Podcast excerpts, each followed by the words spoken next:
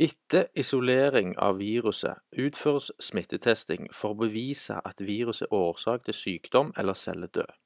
Det praktiseres to hovedmetoder, smittetesting på dyr og inokulasjon av celleprøver, som typisk på et sterilt laboratorium.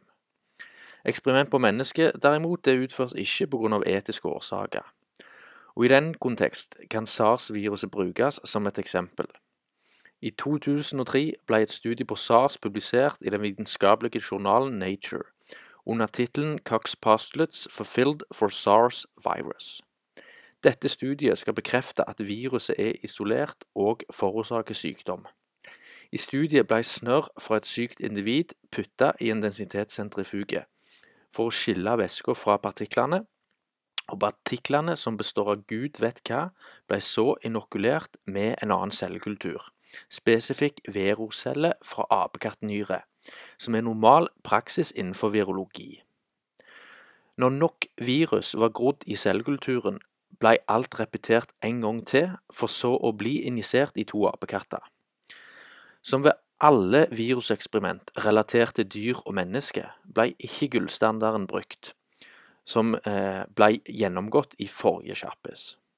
Ingen isolering per definisjon ble utført av viruset.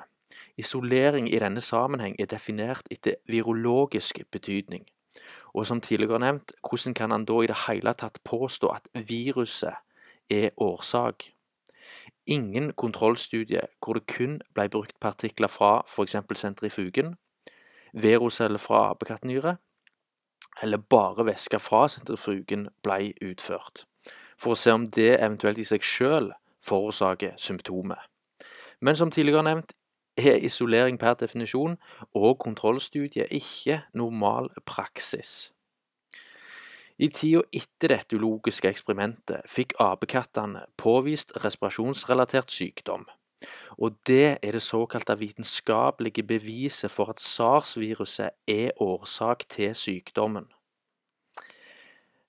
Dette beviser ikke annet enn at virologi er en misforstått og farlig antakelse, hvor indoktrinering og dogma trumfer rasjonelle, logisk intellekt.